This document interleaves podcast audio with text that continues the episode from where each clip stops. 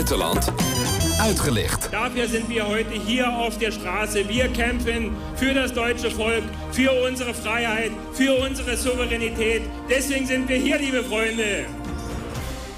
U hoorde een stukje uit een demonstratie van de AFD, de radicaal-rechtse Duitse partij die vaak de straat op gaat. Onlangs probeerden ze ook online actie te voeren, maar dat ging niet helemaal goed. Ulrike Nagel, Duitsland-kenner.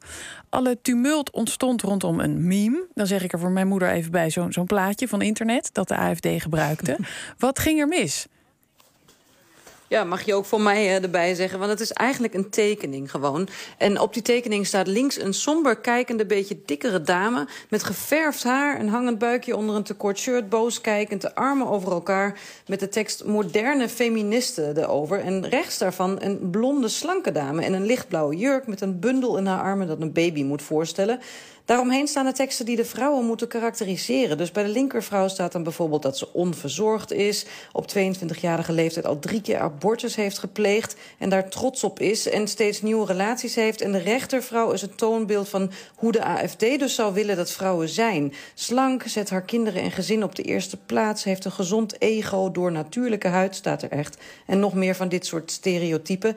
Dat heeft de AFD Saxen dus geplaatst op Instagram... maar wel heel snel weer verwijderd. Maar er ontstond toch ophef, want genoeg mensen hadden het gezien.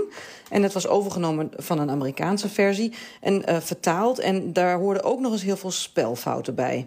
Ja, want is dat ook waarom er zoveel ophef over ontstond? Ja, onder andere vanwege de spelfouten, al ging het daar natuurlijk uh, maar in de marge om. Um, hij is dus kort daarna weer weggehaald. Um, ja, dat maakte deze post eigenlijk... Het ging rond als een lachertje op Twitter. Er is dus vooral eigenlijk met humor op gereageerd. Bijvoorbeeld met tekeningen van de twee vrouwen als lesbisch stel. Iemand is er meteen mee aan de haal gegaan.